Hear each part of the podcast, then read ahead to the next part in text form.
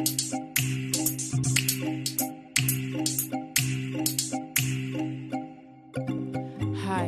I'm Sarah Jesse, and you're listening to Miking My Business. I started this podcast to share my no bullshit thoughts and opinions.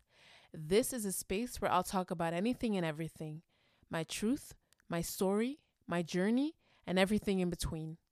This show has only one rule, and that is absolute honesty for me, for you, and for the world.